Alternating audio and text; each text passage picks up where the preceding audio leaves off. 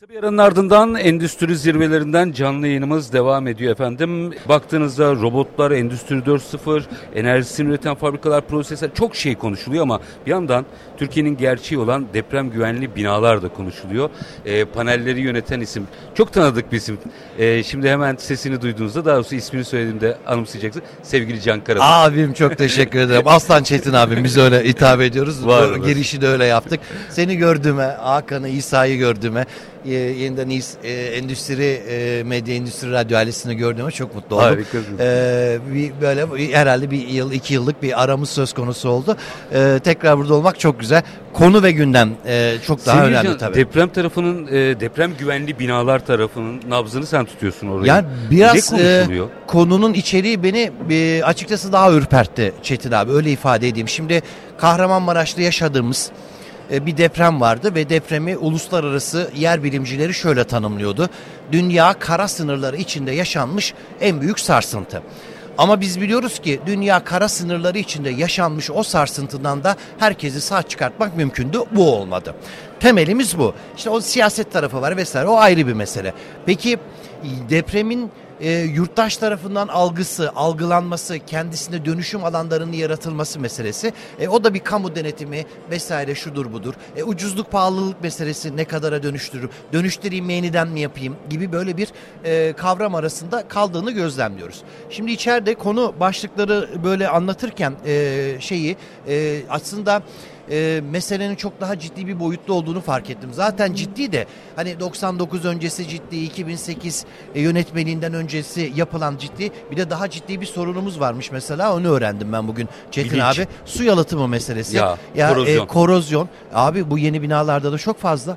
Şöyle diyeyim Yani sevgili, şimdi diyorlar ya işte 600 bin bina tehlikeli bin. O korozyonun kime ne getirdiğini bilmiyoruz ki. Sevgili Can işte burada aslında o uygulamaların konuşuluyor olması çok önemli. Tabii. Belki de işin anahtarı burada konuşuluyor. Doğru, doğru. Ee, çünkü 99 depreminden sonraki araştırmalarda da bakıldığında korozyondan e, korozyon nedeniyle gücünü yitiren Tabii, binalar tabii, gerçeği tabii, ortaya çıktı. tabii. Ya baktığımda şöyle bakıyorum mevzuattan e, teknolojik gelişmelere, yenilikçilere, yenilikçiliklere kadar birçok başlık var orada.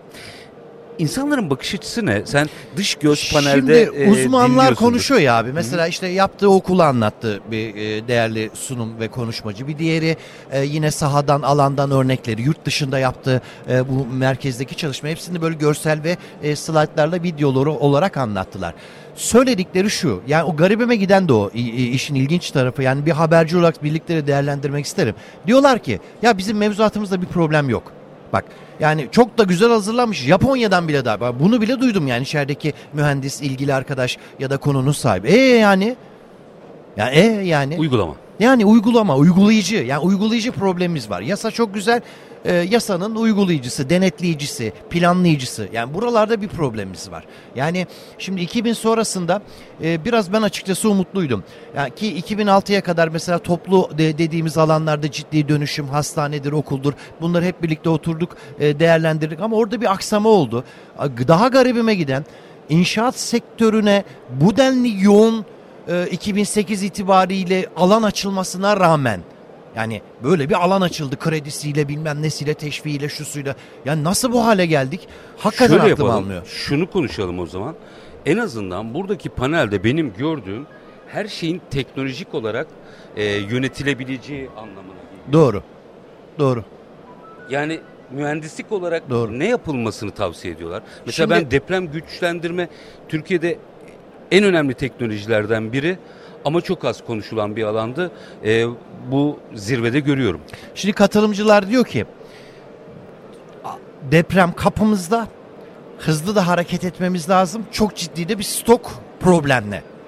Tespit bir bu. Hep herkes bunu söylüyor. Yani bir yer bilimciyi de çağırsan, gök şeyi bilimciyi de çağırsan, e, inşaat mühendisini de çağırsan o diyor. Bu temel tespit. İki, hepsini yenilemek mi daha hızlı bize adım attırır? İşte rezerv alanıyla vesairesiyle Sayın Bakan geçen günlerde de açıklamalarını yaptı. Tamam o da bir tarafı bu işin. E ama yani bir de güçlendirilebilerek daha hızlı, daha kısa, daha ekonomik ve hatta işte diyelim ki şurası e, 6 metrekarelik bir yer burayı güçlendireceğiz Çetin abi. Güçlendirme sana öyle bir alan da bırakıyor. Tabii. Mesela yenilesen e, hemen hemen e, bunun e, %20'si %40'ı belki kimi yerler için sıkıntı yaratıyor. E, o vatandaş için de sıkıntı. İki, Tabii herkesin temelde yaşadığı sıkıntı şu, onun ekonomik olarak anlattılar ama yani bizim özellikle 99 öncesi diye tanımladığımız bina stokunda ya sizin de aileniz var, benim de ailem var Çetin abi. Ya bu insanlar zaten 60 yaş, 70 yaş üzeri. Ya şimdi gel kardeşim al bir kredi 10 yıl, 15 yıl. Hadi şu binana tamam ben de şu kadar prim kır- e, işte O olmuyor e, o zaman e, nasıl işte, işte, olacak tabii. yani şimdi anlat hani Ama güçlendirmeyle bu ama işi... heh, Ha bu arada şunu da güçlendirme burada bir alan yaratıyor olabilir. Şunu da e, hatırlatalım. E, mesela ben Degüder'le de zaman zaman konuğum oluyor. Eğer bir binanın güçlendirilmek yerine yapılması gerekiyorsa onu da Ha, söylüyoruz onu da diyor. söylem. Evet, bunu da söylediler. Tabii. Yani hatta güçlendirmenin 2-3 aşaması varmış Çetin abi. Onu ben burada öğrendim. Yani benim klasik bildiğim şey e, bir binanın e, işte, e, işte teknik analizi yapıldıktan sonra herkes aynı güçlendirme. Yani orada da e, mesela işte kolonların daha güçlendirilmesi Hmm. gerekiyorsa altına farklı gönyeli bir sistem ya da işte polipropilen yeni e, meşhur bir e, maddemiz biliyorsun. Onun uygulama sahası olabilen yerlere o yani gibi ya da bunların hepsinin e, aynı e, sistemde e, metotlaşması ya da sistemsel olarak kurgulanması. Hatta e, ana konulardan bir tanesi buradaki e, sunumda e, bir konuğumuz yaptı onu.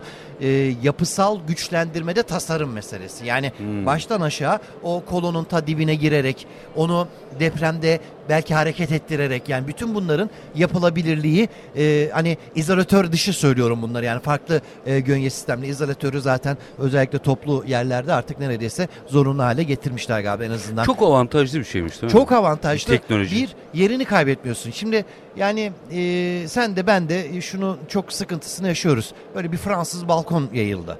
Yok işte bilmem ne yayıldı. Daracık evleri sıkıştırıp kaldılar Çetin Biz abi. balkoncuyuz yani, halbuki. Ya balkoncuyuz abi pandemide de gördük bunu. Yani e, Çayımızı bir demleyip de şöyle bir şey var.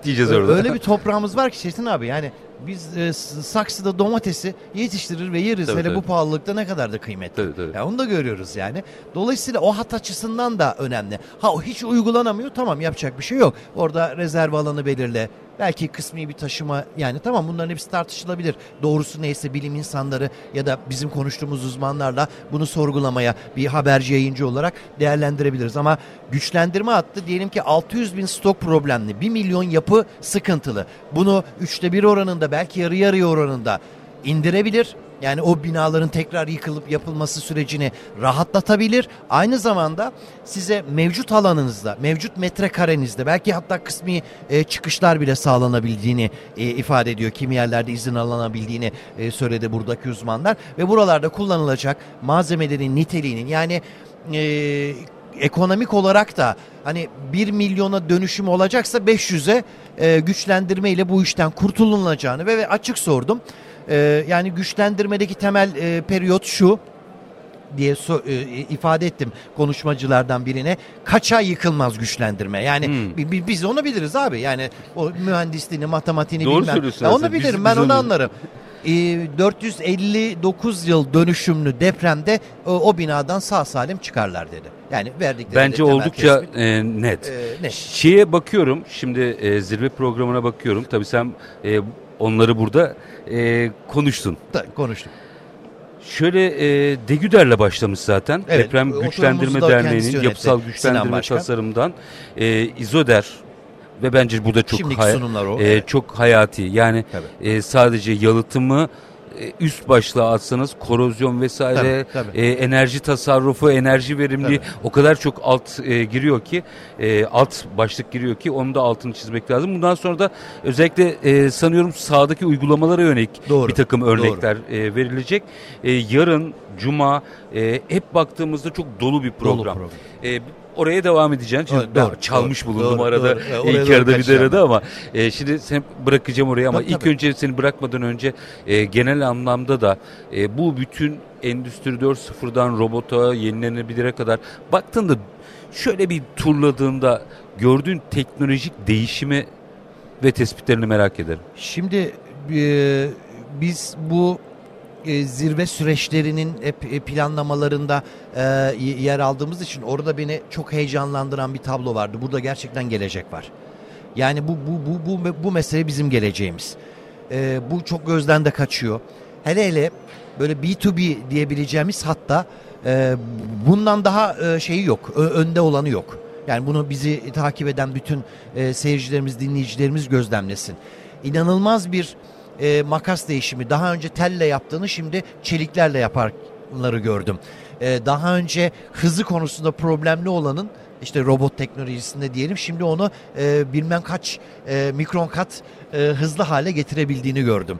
Şimdi bir taraftan emek yoğun sektörlere de hizmet verip bir taraftan yazılım ve endüstriyel e, diye hatta da kullanılabilecek argümanların birbirine artık daha entegre hale geldiğini gördüm.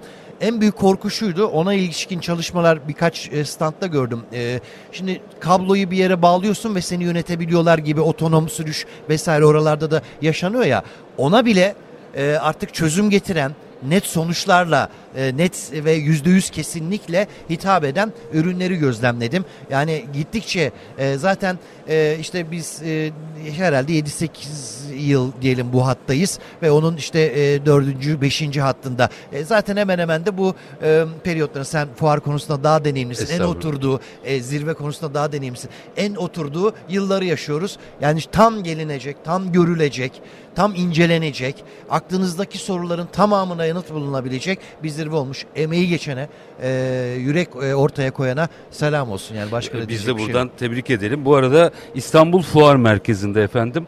E, onu da altını çizelim.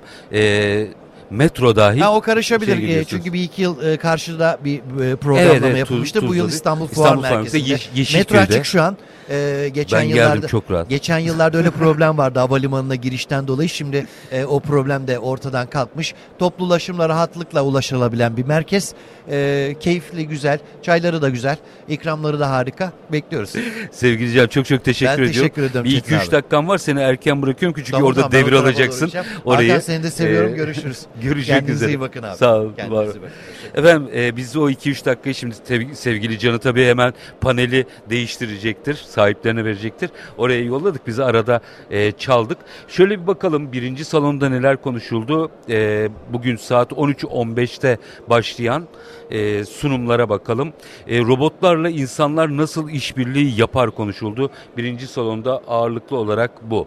E, yine e, saat 15.30'da yani şöyle bir bakıyorum yaklaşık yarım saat sonra başlayacak olan birinci salonda fabrikanız şu an ne kadar akıllı sorusunun yanıtı aranacak.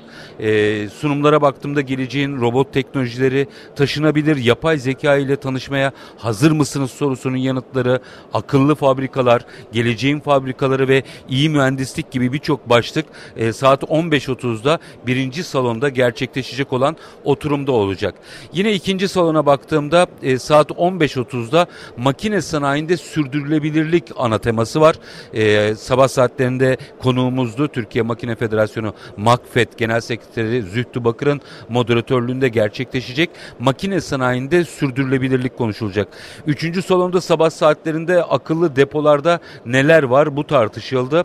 E, şu anda da yani yaklaşık yarım saat sonra e, ne konuşulacak? Intralojistik araçlar fabrikalarda ne yapıyor? Bunun üzerinde konuşulacak. Burada tabii otonom mobil robotlarla iç lojistik operasyona sektörel çözüm e, alternatiflerinden otomatik yönlendirme araçlarına kadar e, birçok noktanın üzerinde durulacak. Yine robotik güçlerle yarının e, Vlo lojistiğinin inşası da konuşulacak olan noktalardan biri. Dördüncü salonda e, sabah saatlerinde kazan ve yakıcılarda teknolojik gelişmelerin üzerinde duruldu. E, saat 13-15'teki bölümlerde ise kazan dairesi ekipmanlarında teknolojik gelişmeler anlatıldı. Saat 15.30'da dördüncü salonda emniyetli kazan daireleri yine ön plana çıkacak olan başlıklar arasında gözüküyor. E, takip edeceğiz. Şöyle bir bakıyorum vaktim varsa var bir bir dakikam daha var. Beşinci salon hakkında da vereyim size bilgi. E, sabah saatlerinde emisyon ticari sistemi e, üzerinde duruldu. Doktor Cihat Terzioğlu'ndan müsiyat adına e, EPH, Türk Standartlar Enstitüsü ve Yeşil Büyüme Emisyon Ticari Sistemi nedir ne değildir bu anlatıldı. Yine yeşil enerji dönüşümü, yeşil sanayi kredileri ve teşvikleri hala hazırda e, bitmeye hazırlanan e, ve tamamlanan aslında e, oturumun konusuydu. Saat 15.30'da 5. salonda yeşil hidrojen teknolojileri konuşulacak. Bu son derece kritik bir başlık. E, inanın e, işte nükleerden artık araçlara yani otomobillere kadar her alanda ön plana çıkan yeşil hidrojen teknolojileri saat 15.30'da 5. salonun e, konusu. E, onları da aktardıktan sonra bir araya gidelim. Aranın ardından Endüstri Radyo'da tüm gün canlı yayınlarımız devam edecek. Lütfen bizden ayrılmayın.